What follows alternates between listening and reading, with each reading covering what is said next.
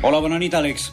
I bon any a Che Cozzalone, perquè aquest còmic italià, Che Cozzalone, amb el seu film Cuobado, On vaig, estrenat l'1 de gener, es prepara a batre tots els rècords de recaptació.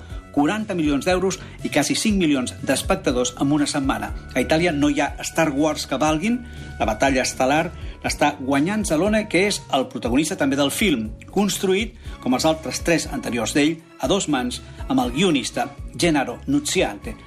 El fenomen Zalone, doncs, es torna a repetir i es torna a superar ell mateix. Cuobado, que recorda pel títol Cuobadis, el film de Mervyn Leroy sobre la trobada de Jesús i Sant Pere a la Via Àpia, supera la seva anterior pel·lícula, Sole a Catinelle, Cubells de Sol, del 2013, de la que vam parlar també aquí a la finestra, que a la seva vegada havia sobrepassat Que la jornada del 2011. Un film cada dos anys. Cuobado ara es prepara a ser el film italià econòmicament més taquiller de la història del país.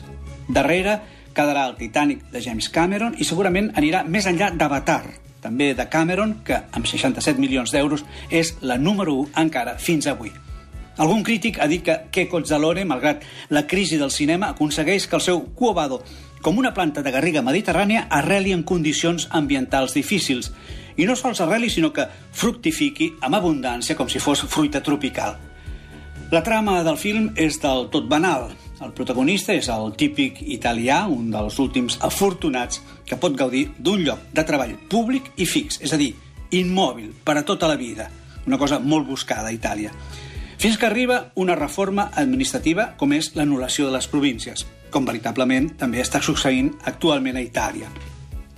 Una funcionària agressiva vol obligar-lo a la dimissió, però Zalone, que no vol abandonar la garantia que representa el seu lloc fix de treball, resisteix. Resisteix adaptant-se a qualsevol situació de treball a Itàlia o arreu del món, on sigui, fins que acaba a Noruega, on el protagonista s'enamora d'una investigadora que l'inicia a un nou tipus de vida d'una oficina al costat de casa seva, on viu, on vivia, amb els seus pares als 40 anys, acaba ajuntant-se i vivint en una família oberta i pluriètnica a Noruega, formada per persones més civils, més virtuoses, eficients, en un país on l'estat del benestar és formidable, però on la majoria de la gent és melancòlica i depressiva. Cuobado no és el film típicament cínic de la vella comèdia italiana ni un film trash. Els autors tampoc han apostat, diuen, pel buonismo.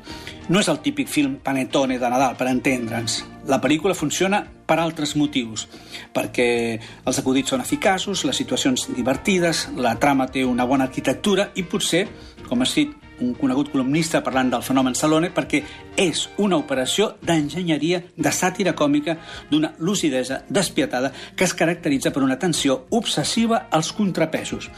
De fet, a una broma sexista segueix sempre un altre de signe oposat. Els vicis retrògrads del temperament italià es compensen amb gestos de complicitat de l'art italià de l'autoarranjar-se o, per exemple, l'orgull nacional del bon menjar.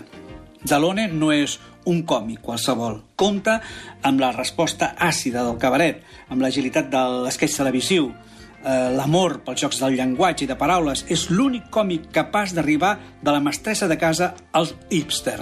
Cap autor còmic italià, per exemple, seria capaç de jugar amb l'estrella de David al·ludint a l'Holocaust sense ferir sensibilitats. Ell ho fa.